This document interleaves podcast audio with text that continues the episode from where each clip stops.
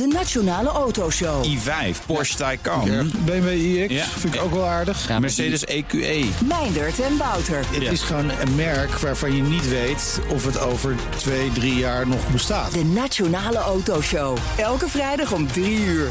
De Nationale Autoshow wordt mede mogelijk gemaakt door Van Mossel. Van Mossel, voor mobiliteit voor iedereen. Hartelijk welkom bij deel 2 van CryptoCast 275, het podcastdeel. In het eerste deel hebben we het gehad over het laatste crypto-nieuws. Dat is de vorige aflevering 275a. En nu in B gaan we het hebben over de vorm van ons geldstelsel met Martijn van der Linden. Hallo. Lector New Finance aan de Haagse Hogeschool met co-host Paul Buitink. Dag Paul. Welkom, Managing Director van Holland Gold. En voor we beginnen eerst eventjes dit. Deze CryptoCast gaat over geld. Als je nou de vraag stelt of crypto geld kan zijn, dan zijn er veel antwoorden mogelijk. En van alle crypto's komt Bitcoin het dichtste bij. Bijvoorbeeld omdat Bitcoin hier en daar als betaling wordt geaccepteerd. Nou, bitcoins die je bij Bitonic koopt, zijn, beter te gebruiken als geld dan bitcoins die je elders koopt. Omdat, omdat Bitonic ze naar een wallet van jou zelf stuurt en niet naar een of andere Bitonic rekening, als die er zou zijn. En vanuit je eigen wallet kun je ze naar iedereen sturen die je wilt. Vanaf een rekening die je hebt bij een ander cryptobedrijf kan dat meestal niet. Het is maar dat je het weet. Dat is in gevolge de wetgeving. Oké, ehm, en luister je graag naar de CryptoCast. Vergeet dan niet je te abonneren. Dan ben je altijd direct op de hoogte van een nieuwe aflevering die er is. Goed, ehm, Martijn van Linden, je hebt samen met Carlijn Kingma en Follow the Money journalist Thomas Bolle ons geldsysteem in kaart gebracht. Letterlijk eigenlijk, hè, in een grafische voorstelling. En we gaan eh, daar straks veel dieper op in. Maar eerst even, waarom zijn jullie begonnen aan dit hele project? Nou, Thomas en ik hadden natuurlijk al veel artikelen geschreven over het geldstelsel. En daar bereik je natuurlijk een vrij beperkte groep mee, met mensen. En toen eh, stuurde Carlijn Kingma mij eind december 2020, dus 2,5 jaar geleden, een e-mail. Of ik met haar het geldstelsel wil- wilde visualiseren. Ze heeft meerdere maatschappelijke structuren gevisualiseerd. Dus zij tekent complex systemen om ze inzichtelijk te maken voor mensen. En zij mailde mij, ik had haar al een keer ontmoet op de TU Delft, waar zij een scriptie heeft geschreven, ik mijn eh, eh, PhD heb gehaald. We kennen elkaar een beetje, we hadden al een keer over dit idee gesproken. En toen dacht ik, nou, dit gaan we doen. Ik zei, nou moet je eigenlijk ook Thomas vragen, want die kan nog iets toegankelijke teksten schrijven. Dat is eigenlijk be- belangrijk bij zo'n onderwerp. En sindsdien zijn we dus met elkaar gaan doen. We zijn eigenlijk Met die kaart, drieën. met z'n drieën zijn we die kaart gaan. Nou ja, eerst eh, schetsen, ontwerpen, wat moet erin. Nou, Klein heeft ook veel literatuur gestuurd. En veel documentaires, artikelen, interviews. eh, Nou ja, Kamerdebat heeft Klein gekeken Ja. om eh, zeg maar op de hoogte te zijn wat er is. En dan met elkaar de essentie te bepalen. En dan gaat het dus om de compositie van de kaart. Welke instituten moeten erop? Welke, wat zijn echt de essentiële geldstromen die we moeten Ja. visualiseren? En uiteindelijk ook die metaforen om het toegankelijk te maken van geld is water. Nou, daar waren we er vrij snel over eens dat het eigenlijk een hele goede is om het, eh, ja, om het op- Ja. op die manier te doen. En jij noemt het een kaart. Ik, eh, ik ben zelf geneigd eh, om het een. Ja, het is een soort schilderij. Ehm, het is een landschap hè? Ehm, met heel veel detail. Met allemaal gebouwen en hellingen en inderdaad waterstromen en eind- eindeloze verten. Ehm, dat is eigenlijk, je zei het in de ehm, eh, radio-editie van deze CryptoCast, zei het eigenlijk ook. Het is, het is kunst. Ja, nee, dat? Ik weet niet meer wie ja, het nee, zei, maar het werd gezegd. Carlijn is cartograaf en kunstenaar. En een cartograaf ja, die maakt inderdaad 3D-kaarten eigenlijk. Hè. Dus het zijn inderdaad gelaagde kaarten. Dus geen platte kaart, maar een gelaagde kaart. En dat biedt dus heel veel mogelijkheden. Bestaat er een fysieke versie eigenlijk? Ik Ja, ja, nee, dat, die, dat die wandvullend Nee, is. zeker. Dus, dus er zijn inmiddels verschillende fysieke versies. Dus het originele werk hangt op dit moment in het Kunstmuseum Den Haag. Er is dus ook een tentoonstelling eh, van ons drieën. Die kun je nog bezoeken tot eh, 10 september. En dan zijn we ook nu te zien op de Biennale in Venetië, het Nederlands paviljoen. Daar hangt een uitvergrote kaart. En dus ook de animaties. En de drie toekomstscenario's. En dan hangt het werk ook, de panelen, die hebben we dus een keer laten, of die, die originele kaart hebben we laten vergroten. Die hebben we op Lowlands gestaan, op Springtime Festival, eh, op de Dutch Design Week, bij Raadbank, bij Deloitte. Maar die staan nu bij het ministerie van Financiën, worden ze tentoongesteld. Dat draait ook de animatie. En ook bij Ja. de Rabobank eh, staat de kaart uitvergroot. Oké, Dus wij gebruiken heel vaak die kaart. Dat is denk ik wel leuk om te vertellen. We gebruiken die kaart om ook met mensen van gedachten te wisselen over het systeem als geheel. dat is schitterend. Dus eh, wie eh, dat fysiek wil zien, die kan dus naar een van de Ja. genoemde adressen. Financiën, Rabobank, Biennale, wat niet allemaal. Ja. Maar het staat ook ehm, in digitale vorm op de site van Follow the Money. Hè? Mensen die nu nieuwsgierig zijn, hè, dan hebben we dat al, alvast gehad. Ja. Ehm, Vertel nog eventjes, dat heb je in de, het A-deel al gedaan, maar waarom het belangrijk is dat mensen snappen hoe dat geldstelsel werkt. Hoe dat geld van A naar B stroomt en daarbij van allerlei Ja, dingen nou, doet. dus Thomas en ik hebben hier veel, vaak stukken over geschreven. Nou ja, Paul zit hier aan tafel, heeft ook een initiatief genomen om het geldstelsel te veranderen. En het blijkt, zeg maar, de politiek heeft in mijn ogen en ons ook eigenlijk te weinig richting gegeven aan de ontwikkeling van het stelsel. Dus de politiek kan eigenlijk, het- het geldstelsel bestaat bij wetten en regels. En eigenlijk wordt er heel erg gevolgd in plaats van dat er vooraf richting wordt gegeven, we willen dat het deze kant op wordt ontwikkeld. En waarom gebeurt dat zo weinig? Nou, in onze ogen is omdat heel weinig mensen eigenlijk begrijpen hoe het werkt. En dat is enerzijds door de gewoon, het is sowieso complex. Nou, dat laten we die kaart zien net. Het is een complex systeem. Ongelooflijk complex. En anderzijds is ook gewoon echt dat jargon van bankiers, van economen, van fiscalisten, wat het nog moeilijker maakt te begrijpen. Het is al moeilijk, maar er wordt ook nog ingewikkelde taal gebruikt.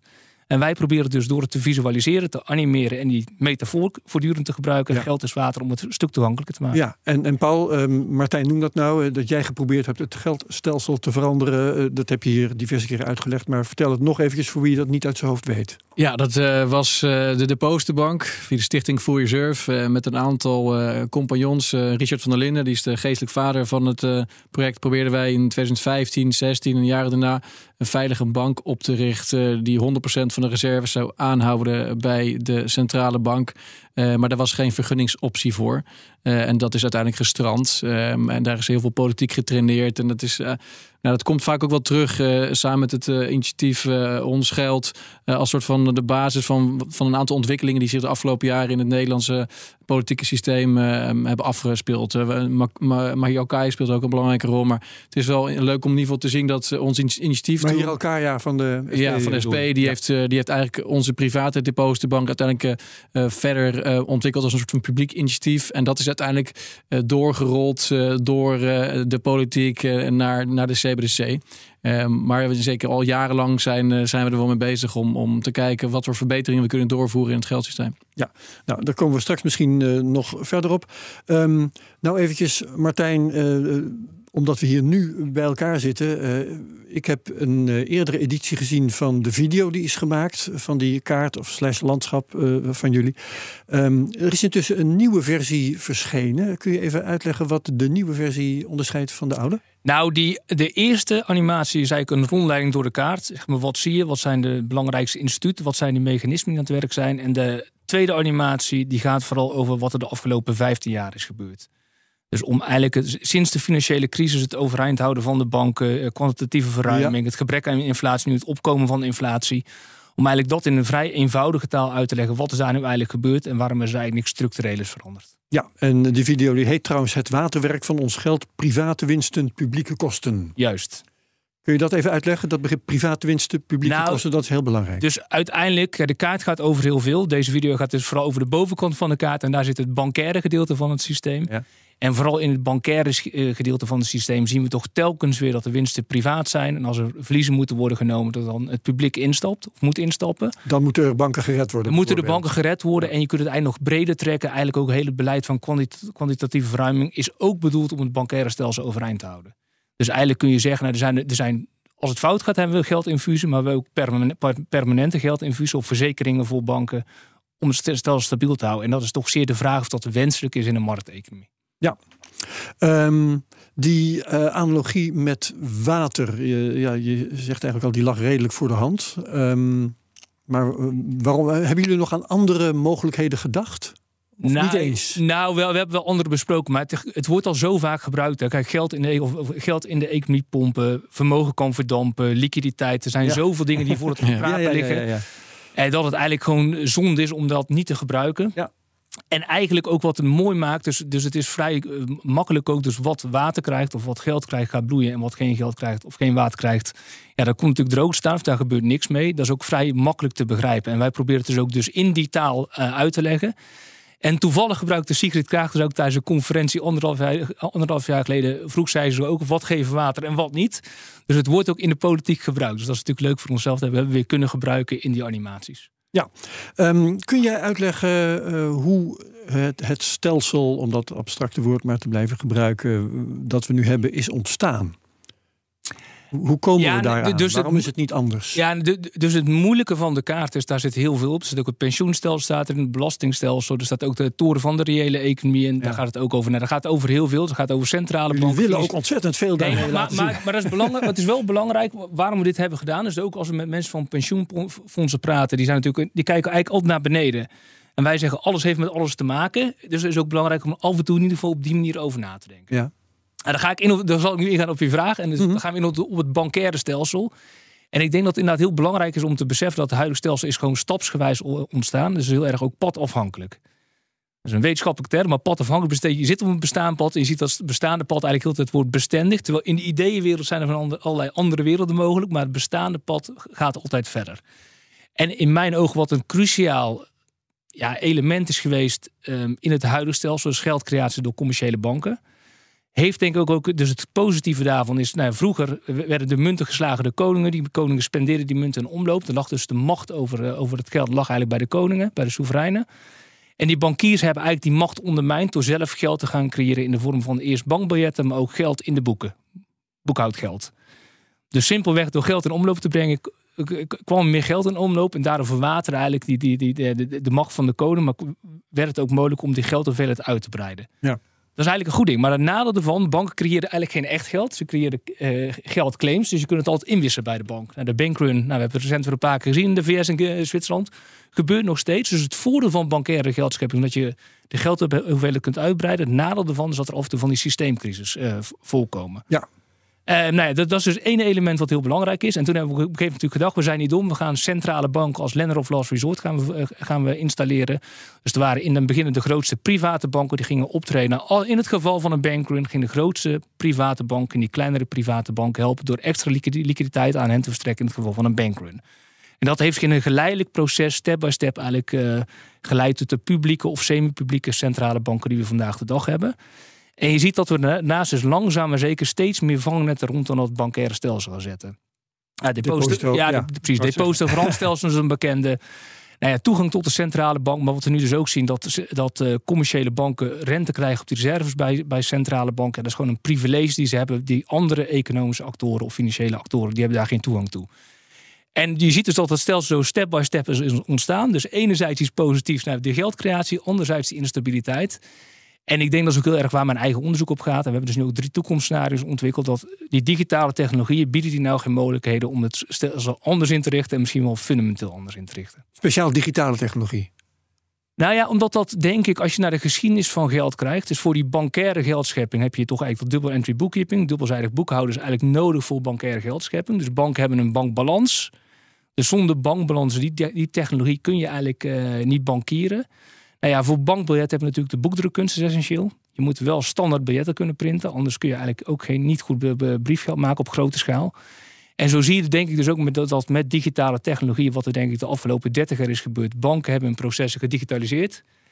En de vraag is nou, als ze nou gewoon eh, van scratch af een systeem zouden gaan ontwerpen met, met digitale technologieën, zou het er dan zo uitzien? En we zijn nu een beetje, hangen we er een beetje tussenin. Soms gaat het, niet, eh, het debat heel erg over het digitaliseren van het bestaande. En soms gaat het over, nou, we kunnen niet naar een ander stelsel toe. Ja, maar waar zullen we het nou eens over hebben? Zullen we we het hebben over wat we zouden kunnen ontwerpen als we van nul af beginnen? Of zullen we het hebben over wat we nu kunnen veranderen aan wat er al is? Want het laatste is toch waar het uiteindelijk van zal moeten komen, of niet? Nee, ja, zeker. Nou, wat wij proberen met die kaart, dat is denk ik belangrijk. Hè? Wij proberen een debat over het stelsel te faciliteren. Ja. Ehm, dus we hebben de bestaande ka- kaart, de bestaande mechanismen die tot ongelijkheid leiden. En we hebben drie toekomstscenario's bedacht wat ver weg of radicale, radicaal andere oplossingen zijn. En de bedoeling daarmee is uiteindelijk dat je daarmee meer mensen in het debat trekt. Dat het voor meer mensen begrijpelijk wordt wat de alternatieven zijn. En dan uiteindelijk inderdaad te komen tot concrete stappen. En wat Ja. zijn die drie eh, scenario's die jullie geschetst hebben? Eh, eh, de eerste heet eh, de Value of Debt-Free Money. Eh, dat komt heel erg neer op wat ons geld... Nog een keer, de value? De, de Value of Debt-Free Money. Oh, eh, schuldenvrij geld. Schuldenvrij geld. Ja. Ja. we hebben het in het Engels allemaal ontwikkeld deze. ja, Dus dan is het weer moeilijk om het terug te vertalen. dat doe ik dan wel. Eh, nee, dat is heel goed. Dus dat is heel goed. dus dat is eigenlijk monetaire hervorming zoals ook vanaf full reserve banking in de jaren 30 in de VS naar eh, ja, ons geld, positive money, vol geld in de afgelopen jaren in Europa. En je hebt steeds meer theoretische voorstellen die eigenlijk zeggen, wat we nodig hebben is een, enerzijds een publiek geldstelsel.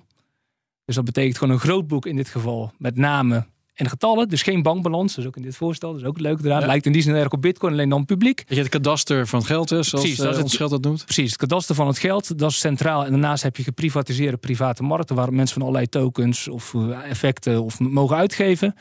Daar wordt toezicht, vooral AFM-toezicht op gehouden. En in dit scenario heb ik ook nog een financial transaction tax toegevoegd... om de, de grootte van die, van die financiële wereld enigszins te beperken. Dat is één scenario. En nog even in dat scenario gaan commerciële banken geen ehm, geld scheppen uit het niets, maar zullen ze geld moeten inlenen en uitlenen of obligaties moeten uitgeven. Precies. Dan worden het eigenlijk banken worden dan gewoon crowdfund platformen. Nou ja, ze mogen wel ING-tokens uitnemen. En als mensen dat geld willen noemen, net zoals in de introductie werd gezegd, als je bitcoin geld wil noemen, het lijkt het meest op geld, dan krijg je inderdaad, nou, hoe hoe je het wil noemen, maar het kunnen ING-tokens zijn. Maar het, de essentie is in mijn ogen dat ze dus niet opeisbaar zijn. Dus als je kijkt naar die oorzaak van die financiële systeemcrisis, keer op keer die bankrun, die directe opeisbaarheid van een product, dat is problematisch. Of je nou een stablecoins krijgt of naar banken. Dus in dit scenario wordt alles via markten verhandeld. En ook in de digitale wereld zijn natuurlijk markten zijn veel meer liquide. En het is veel, Ja. veel toegankelijker voor de meeste mensen. Maar iedereen die de cryptowereld zet, die weet het. is veel ernstiger in de digitale wereld. Dat ook nog. De, het probleem is erger, maar de oplossing ligt in, die, in mijn ogen dus ook heel dichtbij. Omdat we zo'n steeds meer markten digitaal hebben gemaakt. En daardoor toegankelijker en meer liquide hebben gemaakt. En daar zouden we dus bewust op kunnen inzetten. Want ik denk inderdaad dat eh, die, ehm, wat we de laatste tijd zien, ehm, die digitalisering en eh, dat je instant ook je geld eh, automatisch straks kan weghalen, Ja. zorgt er extra voor dat we dit gesprek met elkaar moeten hebben. Want in Amerika ziet nu ook al dat je heel makkelijk eh, gewoon op basis van, eh, van signalen je geld kan weghalen bij een bank en kan plaatsen bij een geldmarktfonds. In Europa heb je ook initiatieven zoals Raisin, dat je eh, ook Europees eh, kunt uitzoeken wat de, wat de bank is met, het, eh, met, met de hoogste spaarrente. Als je straks via API's allemaal gaat automatiseren en, en eh, consumenten die verplaatsen gewoon vol automatisch hun geld naar de partij met de hoogste rente. Als alles gedekt is door een depositogarantstelsel. Ja, wat is dan überhaupt nog de waarde van een bank? Eh, Als je, als je straks ook heel makkelijk overal eh, rekeningen kunt openen, want dat zou natuurlijk ook gewoon vol automatisch moeten. Het is toch gek dat je bij de Rouwbank dezelfde KYC-procedure moet doorlopen als bij de ING. Eh, Als, je nou, als ze dat gewoon eh, van elkaar eh, kunnen overnemen, dan heb je straks bij alle Europese banken heb je straks automatisch rekening. Zo zou het Zeker. moeten kunnen gaan. En dan kan je automatisch eh, sparen. Ja, dan, dan zijn dit is gewoon een commodity geworden. Dan is het echt zijn er- is er geen verschil meer tussen Nee. de banken. En dus dan, dan is deze discussie eh, des te, des te relevant. Zeker. Nou ja, en, en het tweede scenario heet de Republiek van Duizend Munten. Eh, dat is eigenlijk competitie tussen verschillende geldsoorten. Is gebaseerd op Hayek, op free banking. Nou, ik denk ook veel mensen in de crypto community zijn geïnspireerd door deze gedachte. Vast wel, ja. Eh, dus dat je een, eh, ja, gewoon een, een platform hebt waar munten met elkaar kan concurreren. Dat mensen zelf kunnen kiezen welk geldsoort ze gebruiken. Ik denk dat de moeilijkheid daarin is. Dus we hebben er ook teksten bij geschreven die best wat humor hebben. Dat de moeilijkheid daarbij is dat toch. Waar betaal je belasting mee? Eh, het feit is wel dat er geen centrale bank zijn. Dus in, de, in, deze, eh, in deze tekst staat En ook wie er- accepteert welke soort geld? Zeker. Dus eh, ja, precies. En dat het toch best ingewikkeld is, want je, je krijgt wollers met honderden of duizenden munten. Dus de- dat wordt, het wordt heel snel heel ingewikkeld. Eh, maar ik denk dat je, zeg maar, als je die scenario's gaat combi- combineren, dat het dan Ja. realistisch wordt. Er- Overigens is een wallet met duizend soorten munten is eh, digitaal een stuk overzichtelijker Zeker. dan fysiek. Hè? Nee, zeker. Dus in een bepaalde zin, veel jongeren uit doen het al. Nou, Ja. Duizend, misschien niet meer wel honderden. Zeker, die heb je zeker. Dus in die, die zin zien we het al deze kant op gaan. Eh, deze twee voorstellen zijn ook theoretisch goed gebouwd. Het free banking en dat full reserve bankers. Daar heb, heb ik in mijn proefschrift ook over geschreven. En dan het derde, het derde scenario is gebaseerd op eh, het boek van Janus Varoufakis, de Griekse econoom en eh, politicus. Hij heeft een boek geschreven, An- Another Now. En we hebben het eh, de Agora ehm, van democratisch geld genoemd. En hij stelt eigenlijk voor om eigenlijk het heel het economisch systeem te democratiseren. Dus dit gaat eigenlijk voorbij het geldstelsel waar Wat we net betekent over dat hadden. Ja, Nou ja, bijvoorbeeld... communistisch. nou, bijvoorbeeld, elke, elke werknemer één aandeel, één stem. En als je bedrijf verlaat, geef je aan dat terug aan het bedrijf, aan, aan die persoon die Ja. de taken overneemt. En hij stelt eigenlijk ook wel een soort onscheldachtig geldstelsel voor. Alleen in zijn verhaal, wat daar problematisch is, denk ik, is dat er geen financiële markten meer zijn. Omdat die financiële producten dus niet meer verhandelbaar zijn. Kijk, als ik een slager ben en ik wil eh, iemand eh, aannemen, een student voor in de avonduren, dan moet ik hem ook een stuk van mijn bedrijf geven. Yes. Kortom, eh, je geeft een incentive vaak om mensen niet aan te nemen, want je wil een stukje controle over je bedrijf houden. Nou ja, of je wil juist dat, je de, dat ze zich verantwoordelijk voelen voor je bedrijf. Door ze een aandeel te geven. Ja. Dat is zijn redenatie. Dat Nou, zijn dus twee kanten van dezelfde Precies. medaille. En, en hij in zijn boek, zeg maar, hij, eh, hij heeft een soort boek geschreven. Van de ene kant is hij heel positief over, van de andere kant stelt hij ook allemaal kritische noten. Dus die, die hebben wij proberen ook te doen. Wat hier natuurlijk heel moeilijk is als iedereen aanleeft dat je oneindige overleggen krijgt. Dus Ja. iedereen moet op keuren hoe je dit netjes moet, moet managen. Nou, we hebben een aantal van dit soort dingen proberen uit te werken om ook de dilemma's te laten zien. Ja, wa- wa- wat, staat er op het spel? En een voorbeeld wat, wat het hier praktisch maakt, dus bijvoorbeeld Sustainable Finance Lab praat vaak over maatschappelijke adviesraden. Nou, dan kom je natuurlijk al bij banken bijvoorbeeld. Dan, kom, dan ga je best naar die democratisering toe van die besluitvorming bij financiële instellingen. En zo zijn er denk ik dus in al die scenario's zijn er dingen die nu al gebeuren. Maar het kan nog veel verder gaan. Uh, en zeker met technologie denk ik dat het ook wel verder gaat de komende jaren. Ja. Ik denk dat Binance niet akkoord gaat met dit uh, nee. derde scenario. Nee, nee. Vrijwel zeker niet. En, en maar het, okay. dit zijn zeg maar toekomst, uh, ja. zeg maar positieve scenario's bijvoorbeeld. Maar het, het, waarschijnlijk wordt het gewoon voortmodderen voorlopig. Maar dat is dan niet een scenario die. Uh...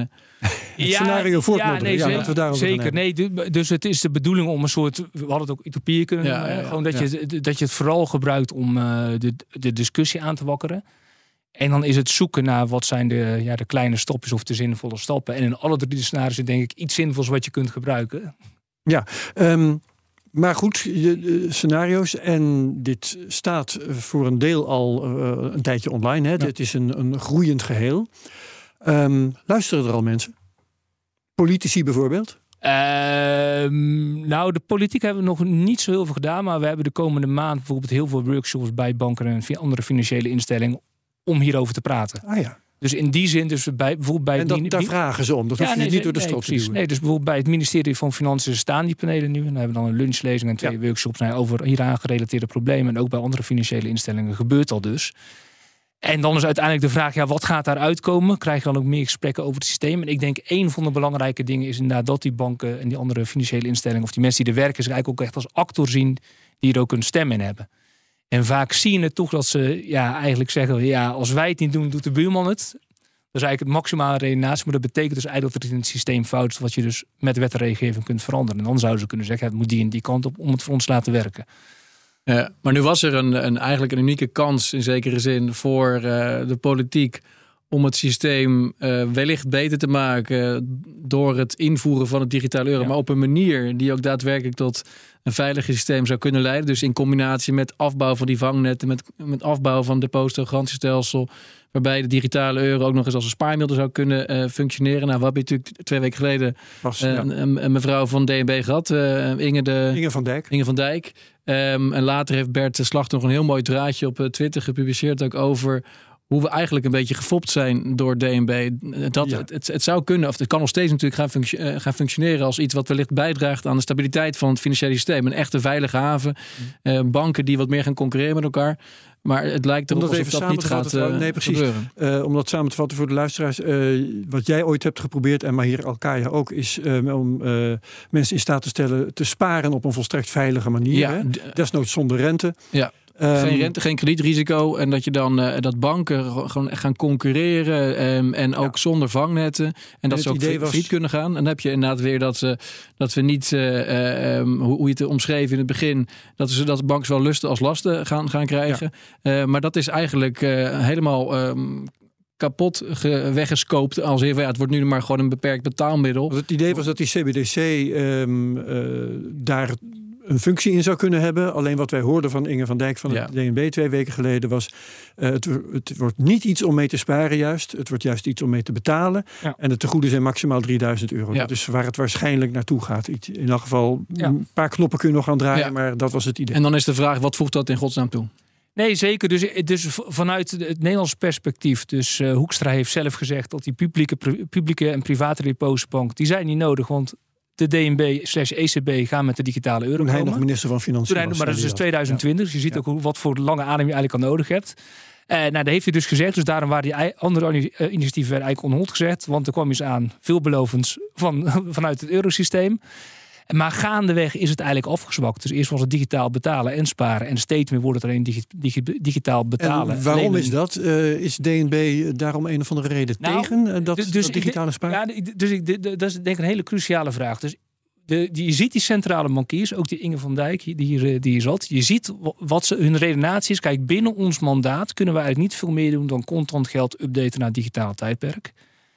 En als politici een ander stelsel willen, ja, wij vinden het prima, maar dan moeten ze daartoe besluiten. Dan moeten ze daarover nadenken. Ja, dan moeten ze dus die richting geven aan het stelsel. Ja. Wat eigenlijk onze kritiek is. En je ziet dus dat het de hele tijd gebeurt. Of het gebeurt dus ergens op de achtergrond. Dat die Hoekstra, nou, dat was eigenlijk best momentum in Nederland.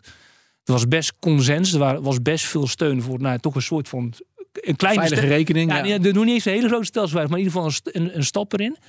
Eh, maar die, ja, die zijn dan toch weer, we gaan toch op de, de DNB en ECB wachten. Maar je weet eigenlijk dat zij binnen mandaat nooit een grote stap kunnen zetten.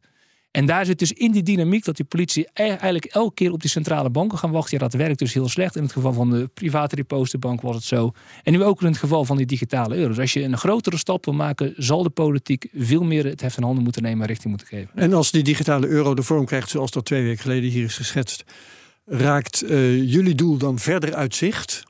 Of Nou ja, maakt dat je- niet eens uit? Nou ja, je, je- kunt er positief, als je er positief over, eh, over bent, dan zeggen nou, wat sowieso moet gebeuren, moet ontwikkeld worden, zowel technisch als juridisch. En als het eenmaal staat en het werkt, Want dan een maximum van we dan 3000 als- euro, dat is een knop waar je heel makkelijk aan Nee, kunt precies. Dan krijg, je alsnog, dan krijg je dan alsnog het debat. Bijvoorbeeld winkeliers. Eh, volgens mij mochten die nu zelfs nul aanhouden op hun rekening. Zou meteen worden overgeboekt naar een commerciële bank. Te zeggen, nou ja, waarom moet ik kredietrisico gaan over? Waarom kan ik mijn ge- geld niet veilig stallen? Dus dan krijg je volgens mij weer een heel ander debat. Dus in die zin heeft het misschien gewoon tijd nodig. En als je, neg- eh, dus ben je er positief over. Dat het gewoon een langzaam, tergend, traag proces is.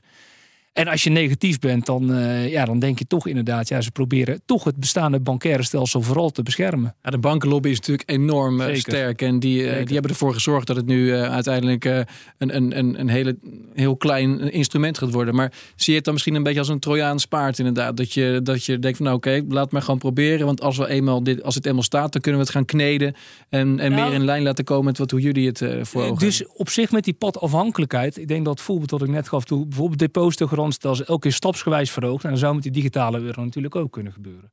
Dus als het er is, krijg je meteen denk ik een ander debat dan dat het, dan dat als het niet is. Of er is gewoon een andere mogelijkheid om een probleem op te lossen. Dus in die zin, ik denk dat daar ook wel best veel bankiers, die hebben dit natuurlijk ook door, dat het inderdaad toch ook een soort van paard van Troje is. Want wat ga je doen in het geval van crisis? Ga je dan zeggen, we gaan die banken weer redden? Of gaan we zeggen, nou toch gaan we mensen 100.000 euro mag je sowieso in de digitale euro aanhouden. En dan gaan we die banken gaan we fiet laten gaan. Je krijgt denk ik wel een ander debat als het er eenmaal is. Nu je de, de crisis zo noemt, hè, in eh, 2008 hadden we eh, de kredietcrisis. Ja. Toen werd al gezegd van hé, hey, we hebben, eh, zoals jullie dat noemden, private winsten en publieke kosten. Er was toch wel een bepaalde stemming eh, enige tijd later van dat moeten we eigenlijk gaan voorkomen dat dat weer gebeurt.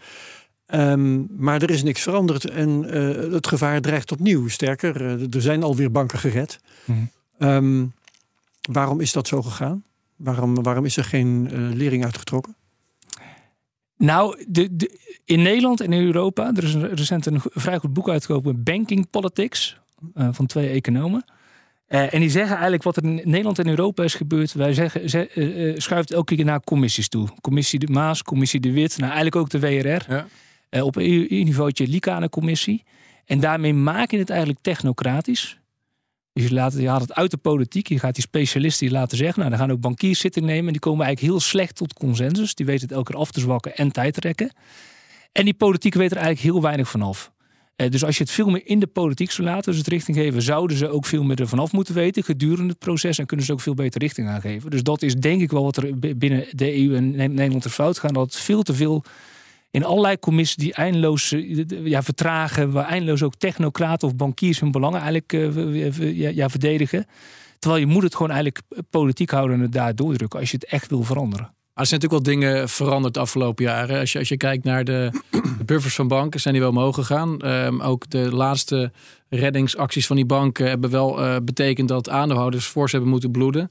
Ehm, ook bepaalde ehm, eigenaren van schuldpapier. Ja. Natuurlijk de depositogarantiegrens is weer opgerekt in, in de Verenigde Staten. En ook bij Credit Suisse zijn er wat gekke dingen gebeurd. Met name met die eh, houders eh, van eh, convertible eh, ehm, obligaties. Die moesten wel bloeden, maar de aandeelhouders eh, maar ook. Maar die konden nog wel wat krijgen. Dus er zijn nog allerlei eh, fouten in afwikkeling van banken. Maar je, er is wel een bepaalde trend in ieder geval dat, eh, dat er een, een, een, eigenlijk een bail-in is in plaats van een, bail-out. Ehm, ja, zeker. Maar in Zwitserland kun je natuurlijk afvragen wat daar is gewoon gebeurd. Er is nu gewoon één hele grote megabank voor een best wel klein land. Eh, dus ik denk als je met Zwitsers gaat praten, die zijn echt hier zeer niet over te spreken. Dus UBS is gered. Vijf jaar later moet UBS de andere grootste bank redden. Dus dat bankaire landschap bestaat eigenlijk nog maar uit één bank. Ja, die te groot is Ja, überhaupt om te redden straks. en dus daar is, daar eigenlijk ook helemaal geen marktwerking meer. Of ja, zeer twijfelachtige Ja. marktwerking. Dus, in, dus, dus vanuit dat perspectief is er eigenlijk heel weinig van. ons. zie je steeds meer tendens naar hele grote banken. En ik denk in het geval van de VS dat je juist ziet dat ze zeggen wat niet systeemrelevante banken waren. Dat dat toch systeemrelevant bleek te zijn. Ja. En dat je daar ook weer een tendentie naar steeds grotere financiële instellingen. Ja, dat JP Morgan die profiteert van iedere crisis. Dus ze namen al. Washington eh, Mutual over en eh, nu dan eh, ook weer ehm First Republic. Voor een grijpcijfer. dus uiteindelijk eh, worden de banken groot en groot. En dat is inderdaad het, het grote marktprobleem wat we toch hebben, is dat, dat het heel moeilijk is om een bank te starten, welk type bank je ook wil. En dat er gewoon een tekort is aan, aan, aan verscheidenheid van banken. Er zijn maar een paar grote spelers. In Nederland hebben we natuurlijk een, een oligopolie. In Amerika ga je ook die kant op op deze manier. Ehm, en die toetredingsdrempels worden alles, alsmaar hoger. En Nou wat ja, we, En ik denk dus dat heel bewust dat bele- beleid moet voeren op eh, zeg maar, het vergroten van niet-bankaire eh, financieringskanalen. Dus dat kunnen investeringsfondsen zijn, kredietunies. Nou, je kunt eindeloos doorgaan. Daar kun je op inzetten. En dat is in de VS dus wel anders dan in, eh, in, in Nederland. En in de UK eigenlijk ook. Dat is ook wel mooi met die, banking, eh, met die bankhervormingen. Dus ook in Europa en in Nederland zie je heel specifiek dat die banklobby heel groot is. Maar in de VS en UK heb je veel meer niet-bankaire financiers die dus ook een eigen lobby hebben. Dus die bankiers zeggen dat hebben we niet nodig en die anderen zeggen dat hebben we wel nodig. Dus we krijgen een heel ander soort discussie. En omdat we die banken hier zo'n machtige positie hebben, dat niet-bankaire gedeelte eigenlijk zo klein is en ook heel matig georganiseerd qua lobby of veel minder goed georganiseerd, heb je gewoon dat die bank maar heel groot is. Dus er zal echt bewust aandacht moeten worden besteed om die niet-bankaire financiering te vergroten. Ja, ja.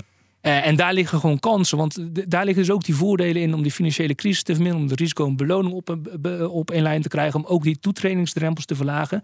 Dus daar zit veel minder risico in. Dus het rare met een bank is dat je kunt al het geld op je rekening zetten. Je investeert eigenlijk in een bank die daarmee leningen financiert. Ze pu- publiceren geen prospectus, leggen geen verantwoording af. Dus daar zit al iets heel, heel, heel onduidelijks in. Als ik gewoon een andere financiële instelling ben, heb ik gewoon een prospectus. Paul, Herbert, wil je mij geld geven? Dan ga ik dit en dit mee doen. Als ik er iets anders mee ga doen, is het ook fraude. Crowdfunding, hè? Nee, maar we- dit, dit zie je ja. dus ook wat Ja. in, die, in, die, in die cryptowereld fout gaat. Dus mensen weten niet wat er met hun geld gebeurt. Ja, dat gaat uiteindelijk gewoon tot gezeik leiden. En bij die banken is dat... Dus bij die banken denken we dat we kunnen managen... door heel veel regel- re- regelgeving op die banken eh, uit te storten... en al die vangnetten voor die banken.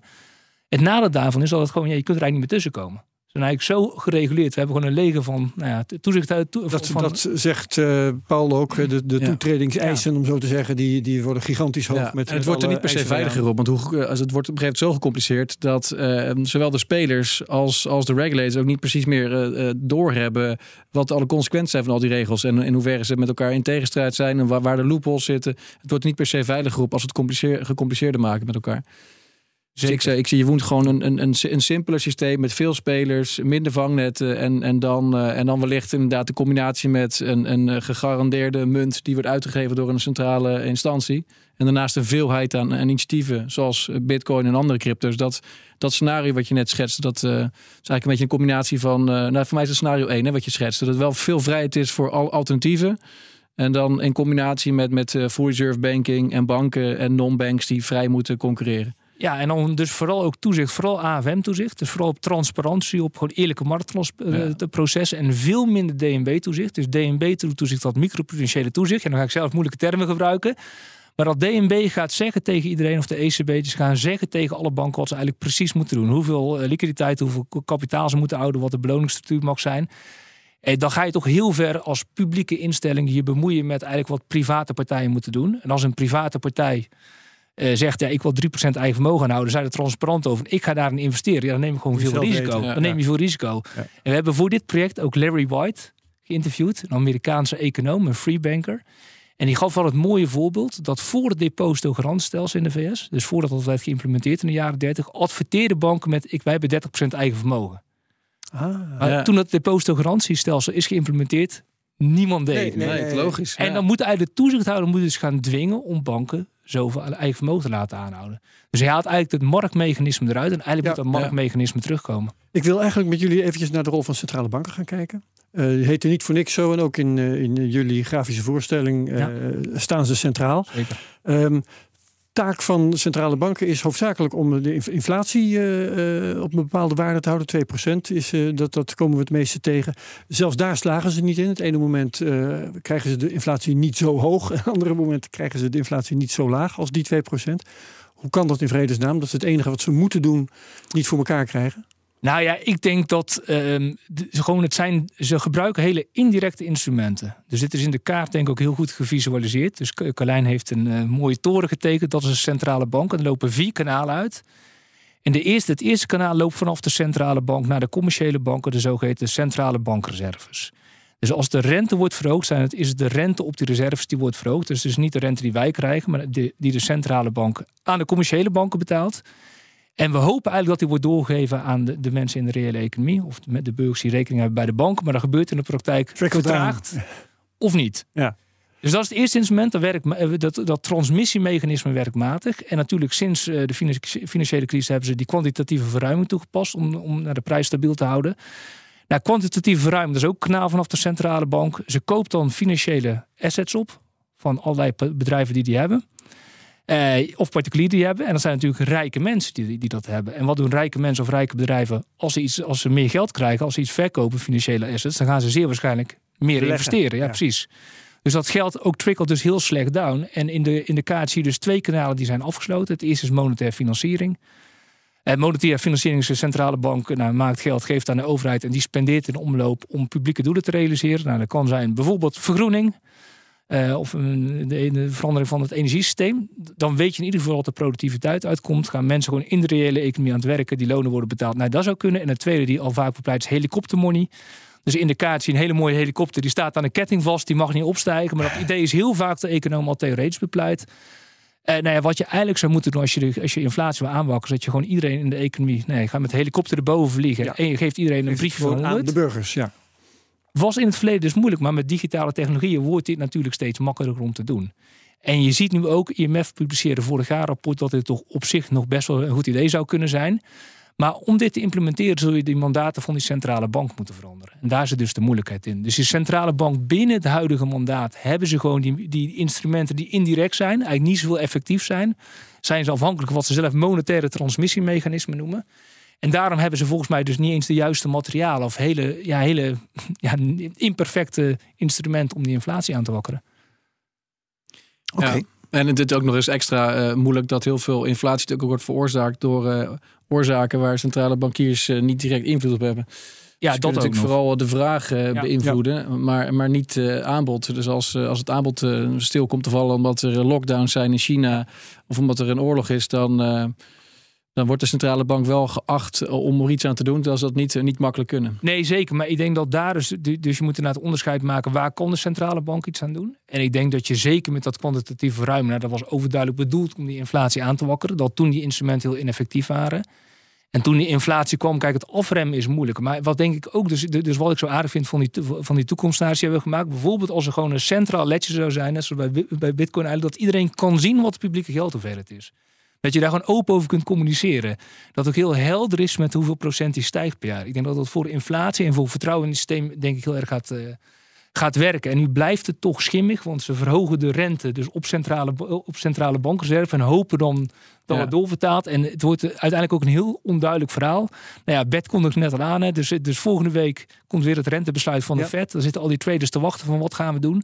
En niemand weet eigenlijk precies wat het werkt. En we zouden in ieder geval kunnen zeggen, dit is de publieke geldhoeveelheid. Dat doen we vanuit het publieke domein. Dat er naast van al, daar proberen we stabiliteit te creëren. Dat er naast van allerlei vormen van private liquiditeit worden gecreëerd, eh, wordt gespeculeerd, prima. Maar die publieke liquiditeit is een soort stabiele factor in de maatschappij. Dat is de ouderwetse centrale bankier. Hè? Gewoon geldgroeiregel, focus op, eh, op de geldhoeveelheid. Ja, zeker. Eh, ja. Maar op een gegeven moment kwam natuurlijk het punt dat centrale bankiers gewoon niet meer precies door hadden hoeveel geld er in omloop was. En daarom zijn ze gestopt om te sturen op die geldhoeveelheid aggregaat, omdat het gewoon het zicht was weg. Zeker. Het, er was een wildgroei aan allerlei, nou, bijvoorbeeld de hele opkomst van de euro-dollarmarkt, die offshore dollarmarkt in de jaren 50. En er zijn zoveel eh, bijna geldsoorten en, en, en eh, dat het heel lastig is voor centrale bankiers om ook daarop te sturen. Maar ook daar is dus een kwestie van vereenvoudigen, simpeler maken en dat je ook weer beter zicht hebt op hoeveel geld er in omloop is. Ja, nee, zeker. Dus ik denk dus inderdaad dat die, opkomst van die neermonies of die geldmarktinstrumenten, dat dus ook die cent, de- gewoon het beleid van die centrale eh, bank heeft ondermijnd. Maar dat ook daar is het gewoon maken van afspraken. En ook daar zie je dus vaak, als het echt op geld gaat lijken, is het toch die, directe opeisbaarheid die erin zit. Dus als die geldmarktfondsen aanbieden, ik heb een aandeel, maar je kunt het altijd één op één opeisen, dan is het dus inderdaad een soort van geld geworden. En dan is de vraag of je dat zou moeten, moeten, moeten toestaan. Want dan breid je dus eigenlijk de geldhoeveelheid uit, zonder dat dus de monetaire autoriteit daar zeggenschap over heeft. Ja. En volgens mij moet het debat dus op zo'n fundamenteel, fundamenteel niveau uiteindelijk gevoerd worden. Wat willen we vanuit de publieke instituten als geldhoeveelheid geven? En alles wat er buiten zit mag worden gecreëerd, maar dat fluctueert dus tegen de marktwaarde.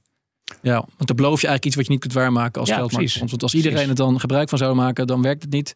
En dan zou je die belofte eigenlijk niet wel iets mogen doen. Eh, eh, en zou dat dus Nou tegengaan ja, moeten en die maakt dus denk ik ook monetair beleid is heel ineffectief.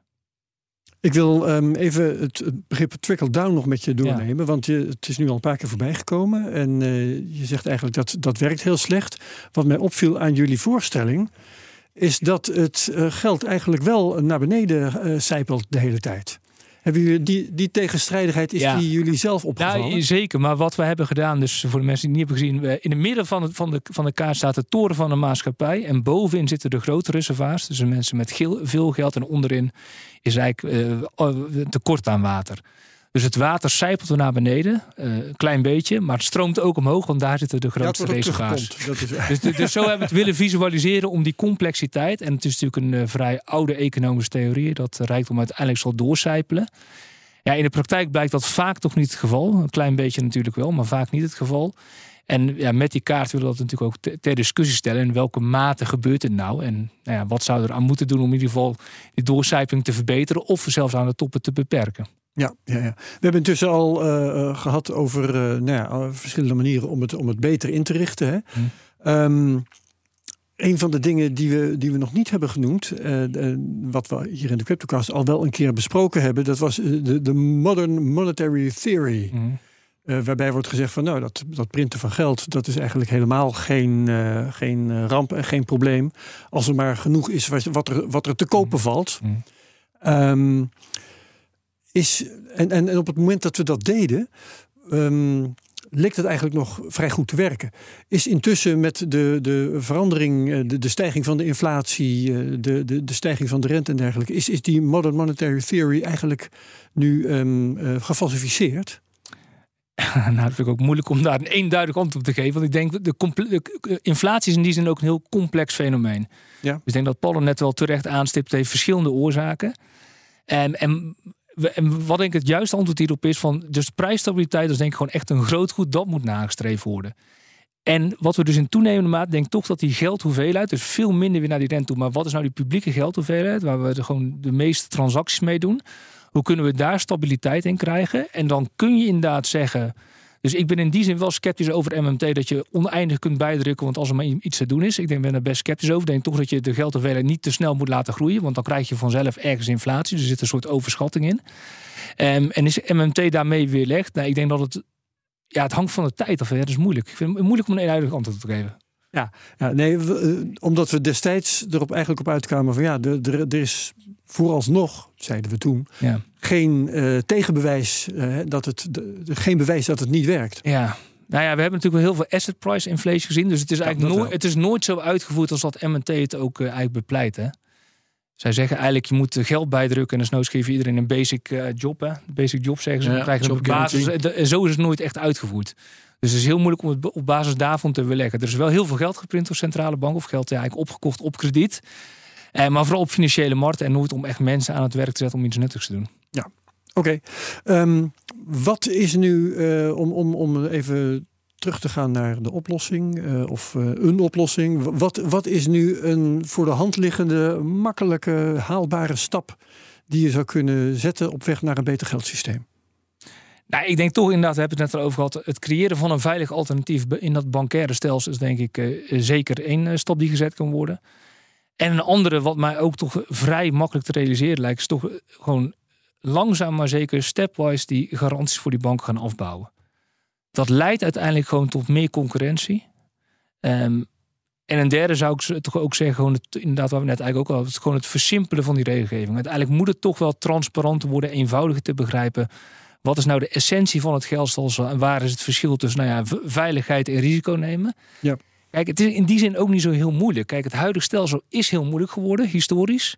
Heeft heel veel ingewikkelde rekening. Maar in essentie is een financieel stelsel kan het best wel eenvoudig zijn. En een van mijn de favoriete auteurs is Morgan Riggs. Eh, The Money Problem heeft hij geschreven in 2006. En hij schrijft ook eh, Simplicity is the essence of good design. Dus ik denk dat principe veel meer terug naar de basis. Naar wat, is, ja, wat zouden financiële instellingen eigenlijk moeten doen? Hoe zouden ze moeten functioneren? Kunnen we daar met digitale te- technologie ook heel transparant over zijn? Nou, in die zin is het teleurstellend dat die cryptobedrijven zo ontransparant zijn. Hey, maar dat, en ik denk dat, het, eh, dat we die weg, dat, het dus, dat kunnen bedrijven nu wel eigenlijk gaan doen. Hè? Maar dat is ook de eenvoud eh, van, van Bitcoin is daarom ook Ja, zo. zeker. Ik denk dat mensen Ja, ja. zo aangetrokken zijn tot Bitcoin, omdat ze dat gewoon begrijpen.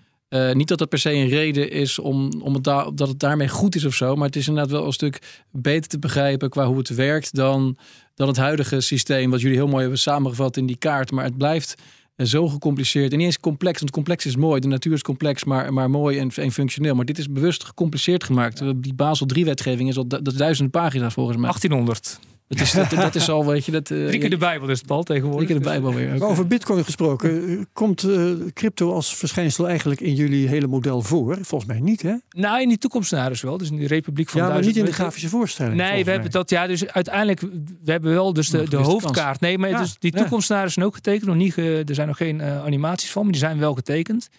Dus in de Re- Republiek van Duizend Munten staat Bitcoin ook in.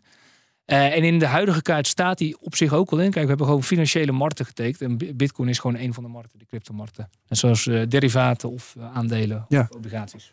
Ja, wat ik nog een beetje een olifant in de, in de Kamer vind die we niet benoemd hebben, is, daar heb ik het met mij hier ook eh, vaak over gehad, is eh, hoe, hoe nobel de intenties ook zijn om een veilige rekening te creëren binnen, binnen het eurosysteem. We zitten nog steeds wel in een eurosysteem wat überhaupt wankel is door de manier waarop dat is vormgegeven. Eh, dat er geen politieke unie is, maar wel al monetaire unie. Er is constant gerommel met, met, met te veel schuld in, in bijvoorbeeld in Zuid-Europa. Ja, ja, ja. We hebben een regelmatig eurocrisis gehad. Dit, begin dit jaar werd er nog in de Tweede Kamer over gedebatteerd. Over krijgen we misschien weer een nieuwe eurocrisis. Omdat eh, oud-minister van Financiën Hans Hogevorst eh, zich zorgen maakte. Verschillen in begrotingsgedrag. Ja, begrotingsgedrag is het cultu- cultureel is het gewoon denk ik eh, te verscheidend om, om samen de munt te, te, te vormen. In hoeverre eh, speelt dat ook mee in jullie verhaal? Nou, er zou nog een kans liggen om dit nog een keer te visualiseren. Veel meer de geopolitiek of de Europese dynamiek. Dus wat we eigenlijk hebben gedaan is toch een soort van iets abstractere begripscijfer van het stelsel. Wat eigenlijk overal waar zou kunnen zijn. Sommige details zijn meer op Nederland gespecificeerd, andere voor de wereld. Eh, maar dat is meer de strijd binnen bepaalde delen of op, op heel de wereld hoe dat zou kunnen gaan. Ook tussen de dollar en de euro. Nou, tussen verschillende cryptomunten die opkomen of verschillende CBDC's. Tussen instabiliteit in verschillende, verschillende onderdelen. Daar zou er nog eentje zijn die we zouden kunnen visualiseren. Daar hebben we wel eens over gesproken. Maar Dat zit er nu dus niet in. ja. Nee, zeker. Dat is, dat is wel een spannende eigenlijk. Maar dat is Ja. net een iets ander soort eh, discussie eigenlijk. Dus je kunt niet alles weergeven in zo'n kaart. En als je een kaart zou gaan maken ehm, hoe- het zou kunnen zijn, dus, eh, het simpelst mogelijke geldstelsel, weet ik veel. Hoe zou die er dan uitzien? Nou, ik denk dus dat eh, die, die vallei van schuldvrij geld. Dus ik heb daar in het verleden natuurlijk in Nederland ook eh, best wel wat aandacht voor gevraagd. En ook best wat over geschreven. Dus ik denk in die zin zeg maar, dat dat zeg maar, theoretisch het meest simpel is. We hebben gewoon een publiek ledger wat het publieke geldstelsel is. Daarna heeft iedereen de vrijheid om van allerlei vormen van private liquiditeit uit te geven. Eh, toezicht gaat voor over eh, gewoon transparante marktprocessen. Eh, nou, dat lijkt, mij vrij helder. Alleen dan is het inderdaad Paul zijn vraag op welke schaal moet het worden geïmplementeerd, wordt al een moeilijke. Ja, ik zou dan toen nog steeds denken, zolang we in de euro zitten, moet je het ook op eurogebied implementeren. En het zou ook kunnen leiden, dus het interessante van dit, van het zou kunnen leiden tot een oplossing van het europrobleem. Dus als je dit op Europees systeem implementeert, heb je bijvoorbeeld ook een Europees de- depositogarantstelsel meer nodig. Kan de centrale bank, of in dit geval de monetaire autoriteit, omdat er geen balans heeft, ook niet meer obligaties opko- opkopen van landen waar de landen eigenlijk worden gedisciplineerd op de markt.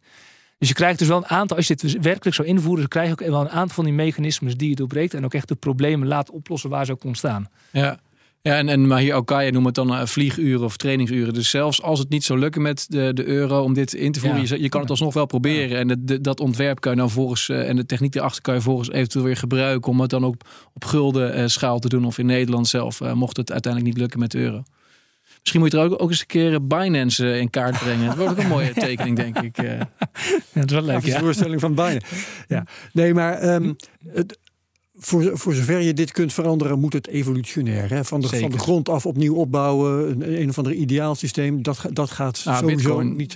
Hebben we natuurlijk, het- dat is mooi van Bitcoin. Het is wel gewoon van, van, van, van scratch eh, gebouwd. Omdat eh, de, uiteindelijk bleek het heel lastig om, om in de praktijk wat te veranderen in het eh, bestaande systeem. Dus, dus Ja. de beste manier om het dan misschien te veranderen is gewoon daarnaast een nieuw systeem te bouwen. Geloof jij daarin dat het huidige systeem zou ploffen en dat we op een compleet Bitcoin systeem overgaan? Nou, ik vind het wel prettig dat dat soort reddingsboten gebouwd zijn. Ja. En, en uh, of het, kijk, ik hoop niet dat, het, dat het, uh, ik, ik hoop dat, dat het uiteindelijk evolutionair kan worden, uh, dus, dus gradueel kan worden verbeterd. Want dat zorgt uiteindelijk voor, voor, voor de minste chaos. En, en chaos is doorgaans heel erg gevaarlijk. maar ik vind het wel prettig dat er, die, dat er systemen zijn, zoals Bitcoin, om toch als zo'n situatie zich voordoet, dat er in ieder geval een, een reddingsboot is. Wat denk jij, Martijn? Nou ja, het goede nieuws is natuurlijk als je gewoon naar de geschiedenis kijkt, het verandert altijd. Dus we krijgen sowieso een ander stelsel. Dus dat is eigenlijk het goede nieuws. En dan is de vraag hoe wordt dat vormgegeven? En dan heb je denk ik twee scholen. De ene zegt, je moet het gewoon laten gebeuren. Of heb je toch meer, we hebben een idee erbij en we gaan die kant op werken. En ik zou voor het tweede pleiten. Dat je het in ieder geval dus structureel die kant op, uh, op, op, op duwt. Dus ene, enerzijds, nou, dus ook eigenlijk, dus enerzijds die publieke digitale munt of die publieke digitale liquiditeit die je kunt uh, implementeren. Het tweede, toch gewoon ver, van die marktliquiditeit. Dus effecten of tokens die worden verhandeld op markten, dus niet direct op eisbaar zijn. Als dat een grote deel van het stelsel uitmaakt van de financiële wereld, daarmee wordt het gewoon stabieler. En mhm. eigenlijk ook transparanter. weet je ook waarover je verantwoording moet afleggen. En het derde is denk ik toch in het toezicht. Dat dat uh, toch moet worden versimpeld om ook ja, om mensen ook de kans te geven om toe te treden. Ja. En dus ook die focus op die transparante of eerlijke marktprocessen. Ik denk dat dat gewoon de, eigenlijk de essentie is. En als je dus als politicus structureel deze dingen in je hoofd houdt bij alle hervormingen, dan gaat het uiteindelijk lijkt maar die kant op. Dat zijn mooie slotwoorden. Jij nog wat te vragen, Paul? Um, ik heb in ieder geval wel een, opmerking, wel leuk om hier even te plaatsen. Want uh, wij, organiseren af en toe uh, events uh, bij Holland Gold die ook gaan over het geldsysteem. We hebben in oktober weer een leuke 20 oktober. en daar zal Bert Slachter een, een, panel over geld leiden. waar ook Hans Hogevorst is en Ewald Engelen. En er komt nog iemand bij. En ook een geopolitiek panel, want uiteindelijk is ook geld ook geopolitiek. En dan zal Bernard Hammelburg waarschijnlijk, hij moet nog even dubbelchecken met zijn agenda. Maar zeer waarschijnlijk is hij er ook bij. Dus als je naar hollandgold.nl slash evenement 2023 uh, gaat, dan zie je meer informatie. Uh, maar dat, ja, dan gaan we dit soort uh, gesprekken ook voeren met, met panelisten. Om toch te kijken of je met elkaar kunt komen tot een beter ontwerp van, van het geldsysteem. Gaaf, met een all-star cast. Yes. Um, Martijn, nog iets te melden wat we hadden moeten vragen? Nee, we hebben veel besproken volgens mij. Zeker weten. Dank. Oké, jij bedankt voor je inzichten. Paul Buitink, bedankt uh, voor uh, je co-hostschap vandaag. Um, vergeet deze CryptoCast niet te delen. Met je volgers op Twitter gebruik de mensen at CryptoCastNL. Reviews achterlaten op uh, Apple Podcasts. Dan kunnen andere liefhebbers ons beter vinden. Like, subscribe en comment op YouTube. De hele mikmak. voor deze CryptoCast allemaal hartelijk dank. En tot de volgende week bij de CryptoCast op BNR. Hoi. CryptoCast wordt mede mogelijk gemaakt door BitTonic. Al tien jaar lang de Bitcoin-autoriteit van Nederland. BNR Headlines. De hele dag binnen- en buitenlandse politiek. In Nederland hebben we geen munitiefabrieken. De hele dag economie. Vijf dagen in de week bezorgen, dat kan niet uit. De hele dag technologie. Amerikanen weer op de maan. Heb je eigenlijk geen tijd, maar wil je toch op de hoogte blijven? BNR Headlines. Het laatste nieuws, maar dan in het kort. Ga naar je podcast-app en abonneer je op BNR Headlines.